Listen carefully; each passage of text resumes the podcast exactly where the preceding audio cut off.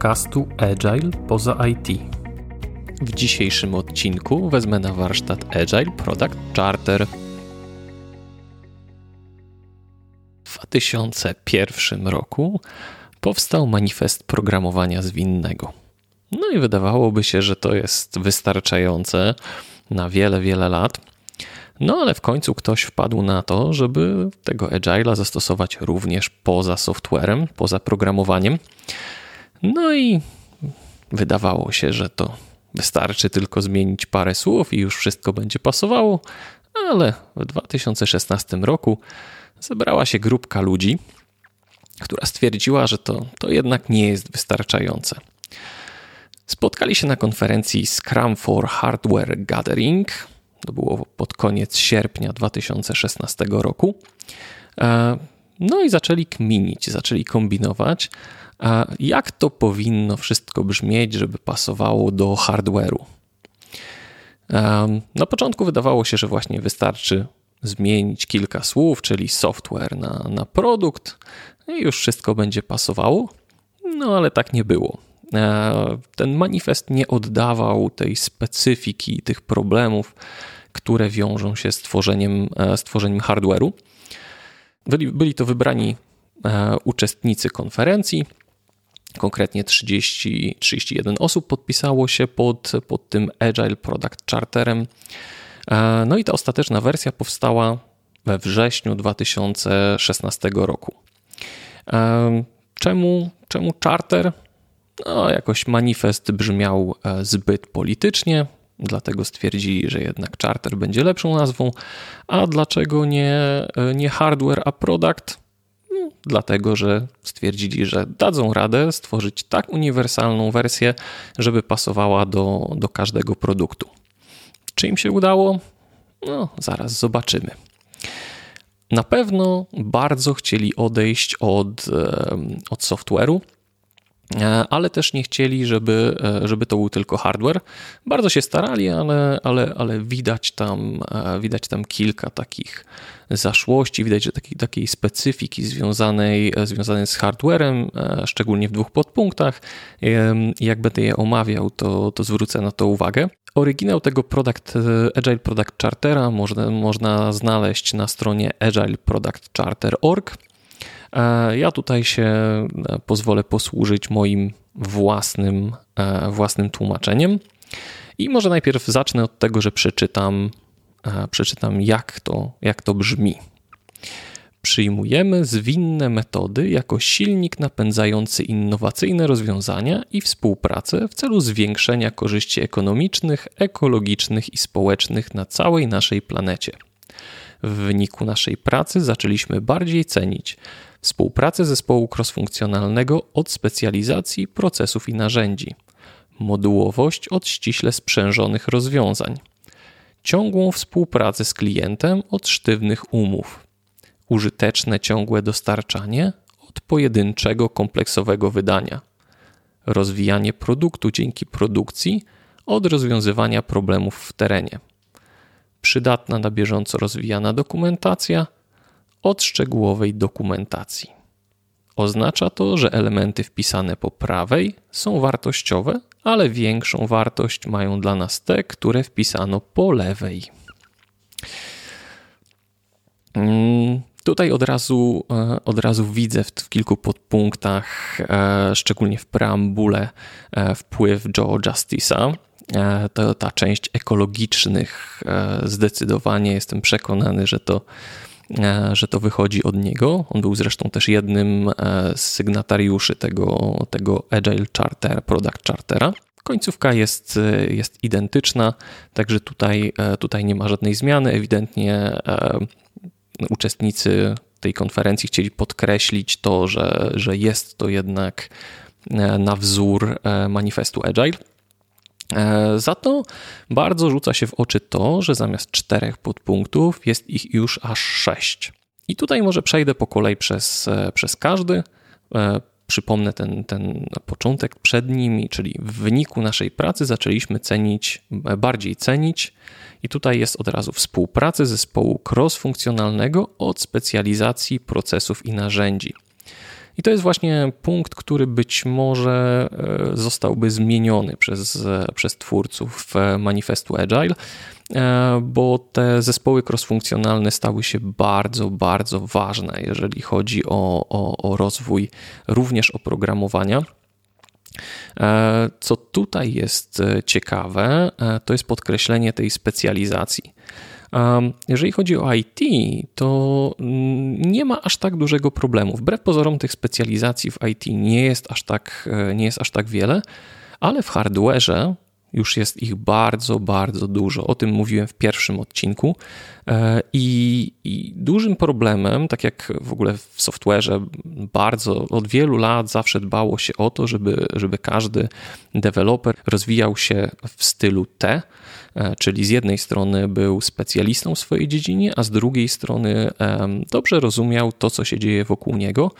E, no i w momencie, kiedy mamy tak wiele specjalizacji w hardware'ze, no to ten, to już zaczyna być dość dużym problemem. Jeżeli w zespole, powiedzmy, nie wiem, siedmioosobowym, każdy ma inną specjalizację lub tych specjalizacji jest powiedzmy pięć, e, no to już tak rozwijanie się w każdej dziedzinie, e, a szczególnie tak, żeby móc się móc wymienić, wiem, pomóc koledze, ocenić jego pracę, zrobić peer review, no to już jest, jest dość duże wyzwanie. E, no i, i, dlatego tutaj widzę, e, że twórcy e, tego Agile Product Chartera zwrócili uwagę na tą cross-funkcjonalność i tą specjalizację. Oczywiście procesy, narzędzia są ważne, ale, ale ta współpraca między ludźmi w tym zespole jest, jest najważniejsza. Drugi punkt to modułowość od ściśle sprzężonych rozwiązań. I tutaj zdecydowanie widać naleciałość, jeżeli chodzi o, o hardware. E, to jest coś, co znowu Joe, Joe Justice um, przynosi z Wiki, z Wiki Speed. No i tutaj myślę, że, że ta modułowość jest kluczowa, jeżeli chodzi, e, chodzi o hardware, jeżeli oczywiście chcemy e, dostarczać jakieś przyrosty produktu co sprint, a nie chcemy sobie po prostu tam po kawałeczku dobudowywać elementy, które nie niosą żadnej wartości, nie możemy ich przetestować. E, dlatego te, te moduły, i on, tak, on też opisywał to, bo jeżeli nie wiecie, co to jest Wikispeed, to jest to firma, która tworzy samochody. I oni na przykład mają elementy zawieszenia, jakieś, e, e, jakąś obudowę, jakiś e, silnik i tak dalej. Oni to składają z elementów. I kluczem jest tutaj e, ta modułowość, tam, e, te interfejsy pomiędzy poszczególnymi modułami. Czyli jeżeli e, grupa dotycząca, czy zespół dotyczący, pracujący nad zawieszeniem ma ochotę coś zmienić, to może zmieniać to dowoli, dopóki nie zmieni interfejsu, który oznacza połączenie tego z nadwoziem tak samo, jeżeli e, można zmieniać dowolnie nadwozie czy tam ramę, e, dopóki te śruby e, czy mocowania, które są potrzebne do tego, żeby podwiesić zawieszenie, są w tym samym miejscu. Oczywiście te rzeczy też można zmienić, jeżeli, jeżeli zachodzi taka konieczność, ale jest to, jest to dużo, dużo bardziej wymagający proces i wymaga oczywiście dogadania się obu stron. Kolejny punkt to ciągłą współpracę z klientem od sztywnych umów. I tu jest dość w sumie podobnie, jeżeli chodzi o oryginalny manifest Agile. Mieliśmy tutaj współpracę z klientem od negocjacji umów. E, tutaj sygnatariusze chcieli podkreślić tą ciągłą współpracę e, i, i, nawet nie tyle negocjacje umów, e, co w ogóle, żeby te umowy mm, nie, nie, były aż tak, nie były aż tak sztywne. E, i umożliwiały jeszcze te zmiany w późniejszym, e, w późniejszym czasie. E, no i mamy kolejny punkt, czyli użyteczne, ciągłe dostarczanie od pojedynczego, kompleksowego wydania. No oczywiście, inaczej będziemy bardzo, bardzo ryzykować i no, niespecjalnie byśmy chcieli pójść w tym kierunku. W IT ciągłe dostarczanie jest dość proste, w hardwareze jest to ekstremalnie trudne e, i co więcej, wymaga dodatkowego wysiłku e, od zespołu i dodatkowego nakładu czasu i nakładu pracy. No i trzeba ten zespół przekonać, że to, to ma wartość, że to ogranicza ryzyka i no i że powinniśmy ten, ten wysiłek podjąć. I zresztą nie tylko zespoły, ale również interesariuszy, którzy, którzy czekają na konkretne, konkretne funkcjonalności, na jak najszybsze wydanie. No i tutaj też warto zwrócić uwagę na to słowo użyteczne. E, to nie jest tak, że za każdym razem warto przygotowywać to dodatkowe wydanie. Jeżeli niczego się z tego e, mamy nie nauczyć, e, to oczywiście nie warto tego robić. Tutaj jest, są zawsze długie dyskusje, jak często powinniśmy to robić, ale to już niestety każdy zespół będzie musiał zdecydować sam, w zależności od tego, jaki produkt robi, z jakimi interesariuszami pracuje i w ogóle od, od tego, jakie ma otoczenie rynkowe i jak często w ogóle może wydawać. E, fajnym przykładem e, jest tutaj projekt e, mojego kolegi Tomka i wydawałoby się, że produkty hardware'owe no, prawie to jest niemożliwe, żeby, żeby wydawać je po kawałku. No bo oczywiście tworzymy je po kawałku i fajnie, ale i tak dopiero oddajemy to klientowi czy użytkownikowi po dłuższym czasie. Mój kolega dowiódł tego, że jest możliwe robienie tego również w hardwareze, e, dostarczanie po kawałku już od razu do, do klienta, do użytkownika. E, tak naprawdę zrobił robopaśnik dla swojego, e, dla swojego teścia, a właściwie dla, dla jego koni, stworzył paśnik, który automatycznie dostarcza siano. I to nie było tak, że, że sobie coś dopracowywał gdzieś e, u siebie w garażu i e, pytał, pokazywał, i dopiero po jakimś czasie, jak to już było dopracowane, e, zamontował u swojego, u swojego teścia w stajni i to, to wszystko było fajnie, już, już działało. Nie, on to robił po kawałeczku. Czyli najpierw zbudował jakiś, jakiś naprawdę minimalny zestaw funkcjonalności, czyli na przykład automatyczne, właściwie automatyczne otwieranie, e, otwieranie tego paśnika, który zrzucał, e, zrzucał to siano.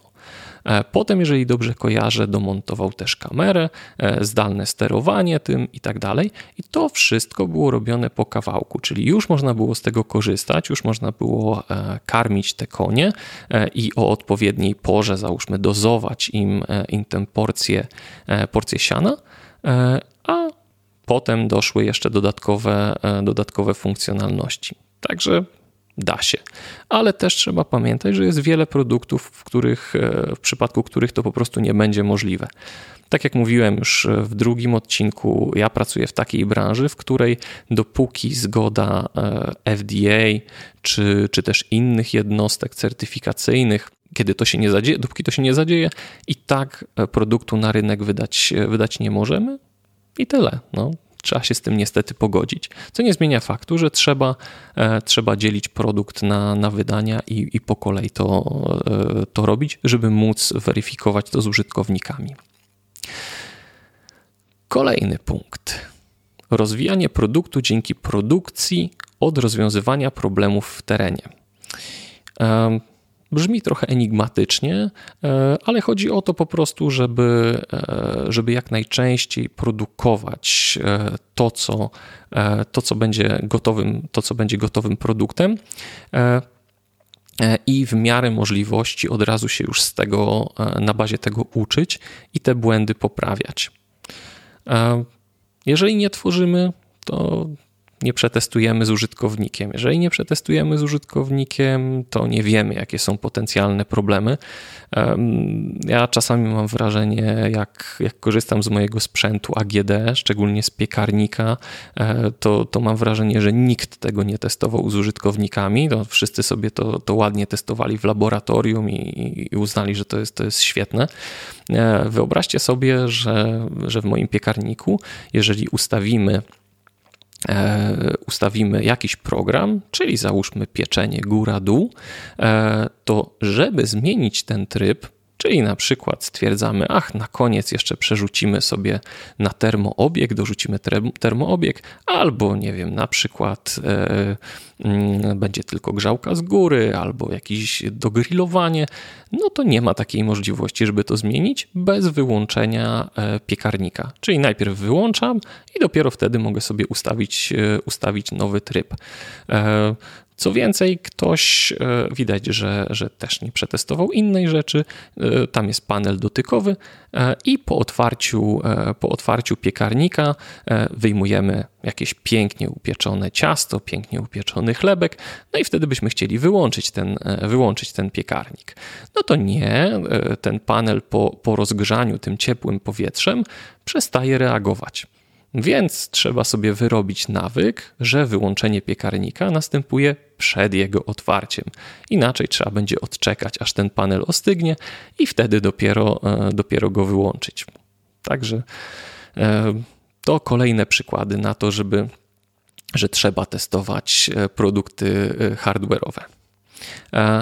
Ostatni punkt to przydatna, na bieżąco rozwijana dokumentacja od szczegółowej dokumentacji. E, tu znowu jest, e, jest trochę, właściwie nawet dość istotna zmiana, bo tutaj było działające oprogramowanie od szczegółowej dokumentacji i ta szczegółowa dokumentacja została, e, ale z drugiej strony tutaj twórcy tego manifestu, właściwie tego chartera, e, zdecydowali się podkreślić e, istotność tej dokumentacji, czyli że nie tylko produkt, który, który mamy, o którym słyszeliśmy w innych podpunktach, e, ale ta dokumentacja jest bardzo ważna.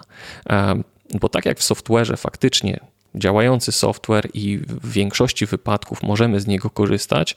Jeżeli potrzebujemy go wielokrotnie wykorzystać, to go po prostu skopiujemy, no to tutaj tak łatwo się nie da. Jeżeli chodzi, e, chodzi o, e, jeżeli w przypadku e, hardware'u, no tutaj musimy mieć dokumentację po to, żeby stworzyć, żeby odtworzyć te elementy, ten, ten gotowy produkt w masowej produkcji lub nawet, nawet w produkcji E, mało seryjnej. No i tak przedstawia się Agile Product Charter. No i teraz pytanie, czy da się ten Agile Product Charter wykorzystać poza hardwarem? I czy w ogóle warto, warto o tym myśleć, czy warto zmieniać e, coś, co już zostało uznane za bardzo wartościowe, czyli manifest, e, manifest Agile? Według mnie warto i ten Agile Product Charter nie jest aż wcale tak bardzo znany, a myślę, że warto byłoby sobie go przeczytać, zastanowić się nad nim na spokojnie, czy on pasuje do mojej branży, do mojego produktu e, i pomyśleć, dlaczego właśnie te zmiany zostały dokonane, e, żeby lepiej rozwijać własne produkty. To jest podcast Agile poza IT. Do usłyszenia w kolejnym odcinku.